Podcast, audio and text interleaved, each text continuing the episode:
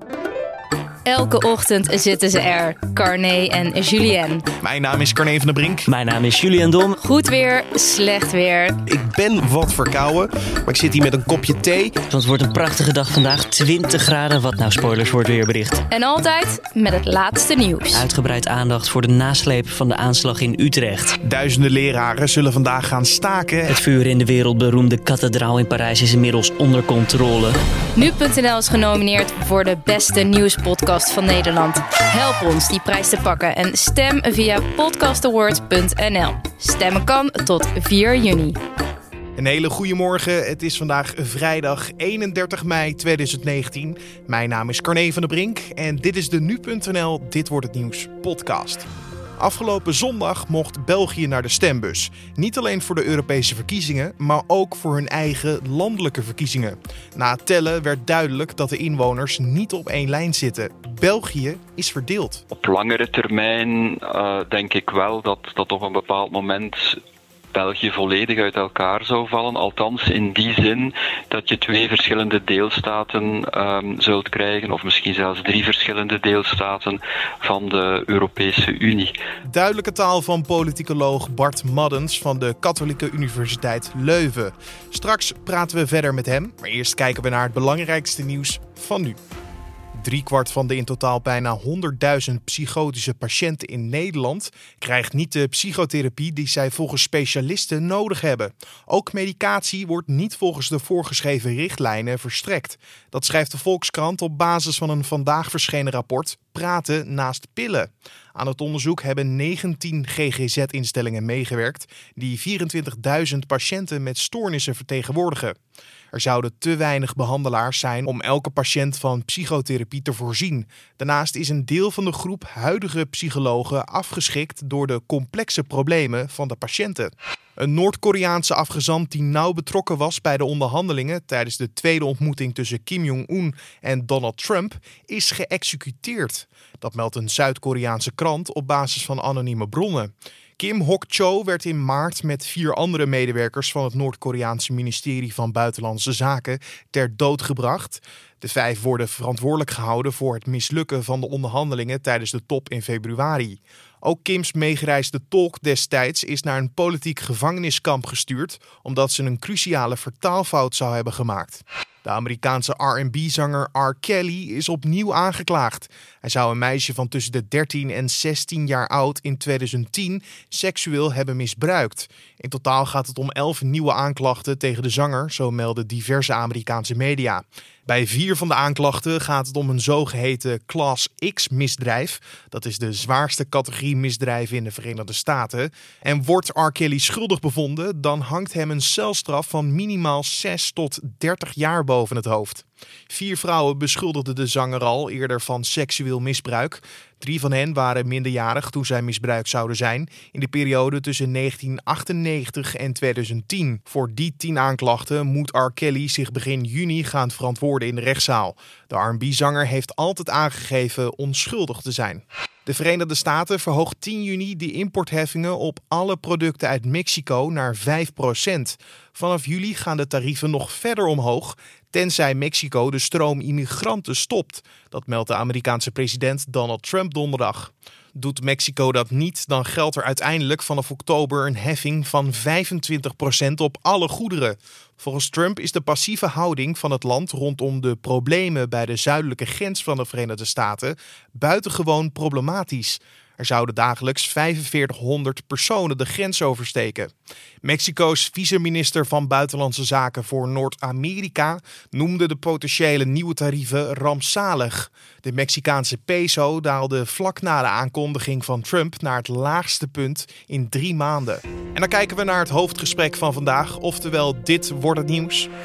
Vlaanderen en Wallonië hebben opvallend verschillend gestemd bij de federale verkiezingen in België, zoals de stemronde daar heet.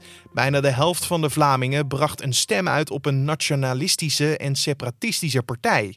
Het is voor het eerst dat een zogeheten regering van nationale eenheid, bestaande uit gevestigde christendemocratische, sociaal-democratische en liberale partijen, geen meerderheid hebben. Heeft het federale België nog een toekomst? Daarover sprak mijn collega Matthijs Lelou met politicoloog Bart Maddens van de Katholieke Universiteit Leuven. Ik denk niet dat het federale België nog een toekomst heeft. Um, de twee landsdelen die groeien zo ver uit elkaar dat het steeds moeilijker zal worden om een federale regering uh, te vormen die efficiënt is, die coherent is uh, en die ook kan inspelen op de voorkeuren van de kiezers. Uh, dat betekent niet um, dat we nu op korte termijn naar een nieuwe staatshervorming gaan of naar echt een, een structurele verandering. ik denk wel dat men nog zal proberen om een regering te vormen, maar dat zal een, een gebricoleerde regering zijn die misschien ook geen meerderheid zal hebben langs Vlaamse kant.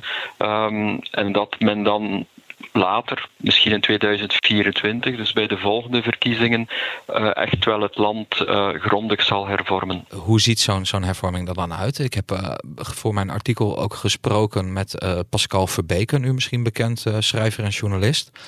En hij stelt dat eigenlijk het, het slot op de deur van België, zoals hij dat noemt, dat dat Brussel is omdat hij niet voorziet dat een van beide kanten uh, de andere kant uh, Brussel cadeau zou willen doen. Uh, hoe kijkt u daar tegenaan? Binnen een confederaal model zijn er twee mogelijkheden. Hè. Dus wat de NVA voorstelt, um, dat is dat men in Brussel een keuze zou maken. Hè. Dus een zogenaamde Brusselkeuze. dus de Brusselaars zouden dan kunnen kiezen um, voor het zij de Vlaamse sociale zekerheid en de Vlaamse fiscaliteit of voor de Waalse sociale zekerheid en de Waalse fiscaliteit. Uh, dus dat is één model. Um, een ander model, dat in mijn ogen wel, wel iets realistischer is, um, bestaat erin um, dat voor wat betreft Brussel de grote beleidslijnen worden vastgelegd uh, op het niveau van de confederatie. en dat er dus een soort koof beheer komt um, van Brussel uh, door de twee deelstaten. Um, en dan een andere, een derde scenario, um, maar dat is in mijn ogen ja, het, minst wenselijke scenario, maar dat leeft wel sterk langs Franstalige kant.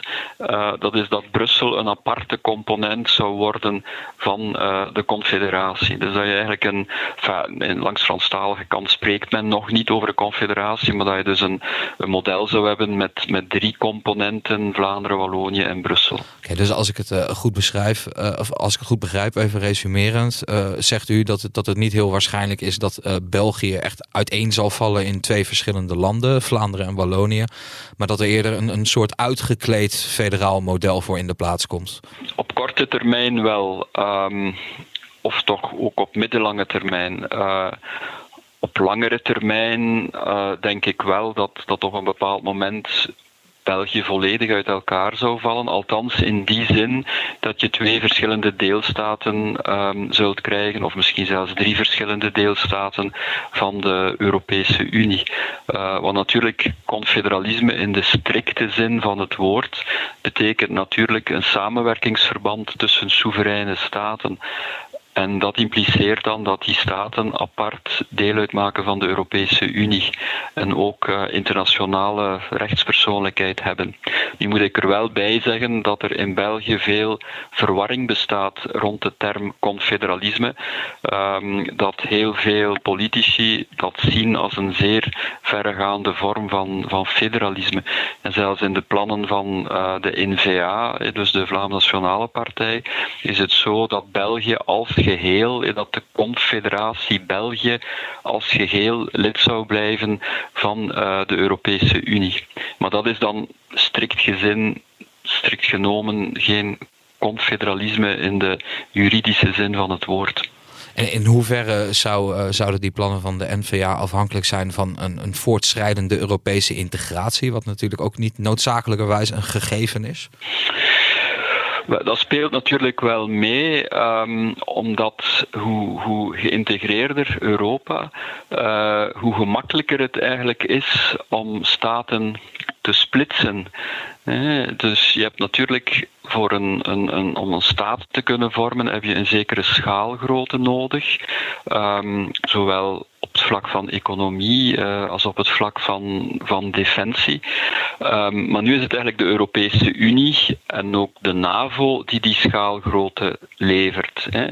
Dus eigenlijk die, die internationale uh, integratie, die internationale schaalvergroting, maakt het gemakkelijker voor staten om op te splitsen, uh, om zich op te splitsen in kleinere eenheden. dus er moet altijd een soort evenwicht gevonden worden. Als je dus echt het heel abstract bekijkt, hoe groot moet een staat zijn? Uh, wel, een staat mag niet te groot zijn, want dan kan die staat niet meer beantwoorden aan de preferenties van um, de burgers en aan de, de heterogene preferenties van de burgers. Uh, maar een staat mag niet te klein zijn, want dan zijn er te weinig schaalvoordelen. Dus de Europese Unie maakt het in principe mogelijk uh, dat je een kleine staat hebt die inspeelt op de preferenties van de kiezers, maar die tegelijkertijd, dankzij de internationale integratie, toch kan genieten van die, van die schaalvoordelen. Als we tot slot uh, nog eventjes uh, kunnen kijken naar uh, nou ja, wat er eigenlijk precies is gebeurd bij deze afgelopen verkiezingen. Vlaams Belang, een partij die in België door mensen ook wel wordt omschreven als, als een extreemrechtse partij.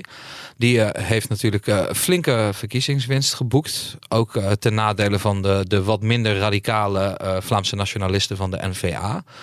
Um, waar, waar komt eigenlijk die, die opkomst vandaan? Waar komt al die onvrede vandaan die erachter zit?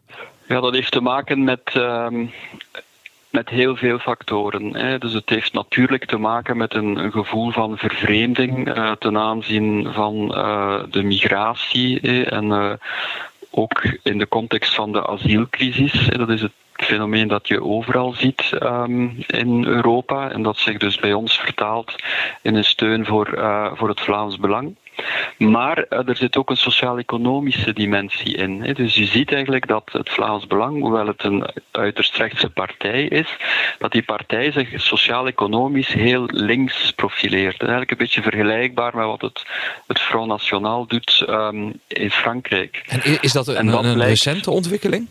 Ja en nee. Hè. Dus het is eigenlijk zo dat het Vlaams Blok al in de jaren 90, dus Vlaams Blok is de voorloper van Vlaams Belang, al in de jaren 90 dus een arbeiderspubliek heeft aangetrokken. Dus eigenlijk de klassieke het klassieke electoraat van de Socialistische Partij uh, is in de jaren 90 in grote mate overgestapt naar het Vlaams Blok. Dan spreken we vooral over de, de verpauperde wijken in de, in de grote steden.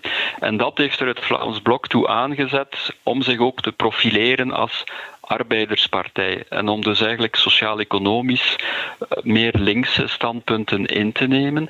Maar het is nu eigenlijk de eerste keer dat de partij zich daar echt heeft op geprofileerd tijdens de verkiezingscampagne. Dus dit stond echt heel centraal um, bij uh, Vlaams Belang.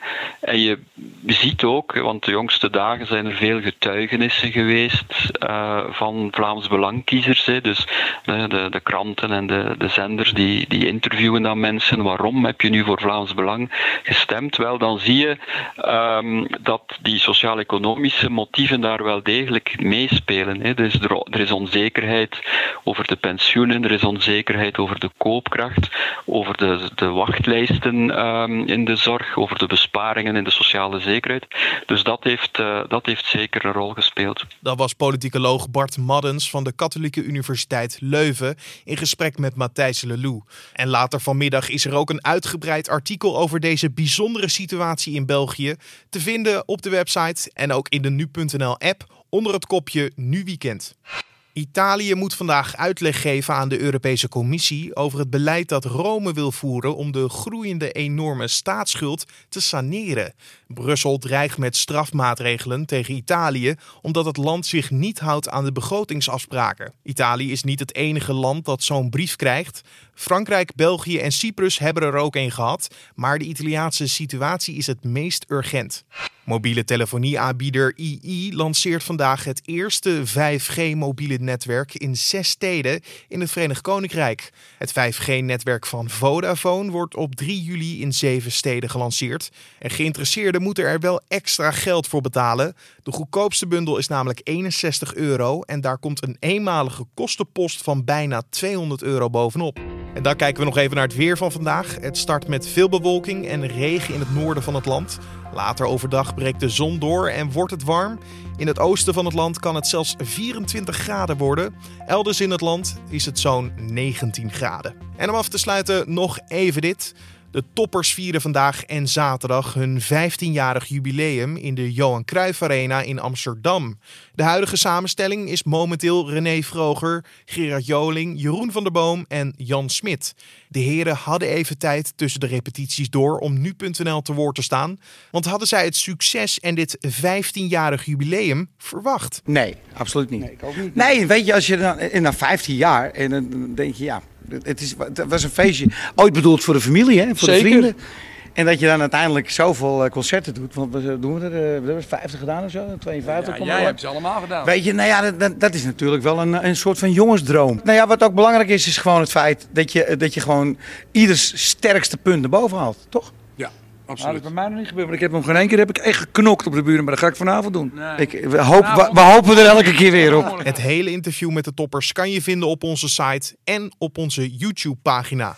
En dit was dan de Dit wordt het nieuws podcast voor de laatste dag in mei. Je vindt de podcast natuurlijk elke maandag tot en met vrijdag om 6 uur ochtends op de voorpagina van nu.nl. En vergeet niet, als je nog vandaag of in het weekend 5 minuten over hebt, voor ons te stemmen op de Dutch Podcast Awards. Stemmen kan namelijk nog tot dinsdag. En klik dan op de link in de podcastbeschrijving of ga naar podcastawards.nl. Je kan ons verder laten weten wat je van deze podcast vindt door een mailtje te sturen naar podcast.nu.nl of recensie achter te laten in iTunes. Mijn naam is Carne van der Brink. Voor nu een hele fijne vrijdag, een mooi weekend en tot maandag.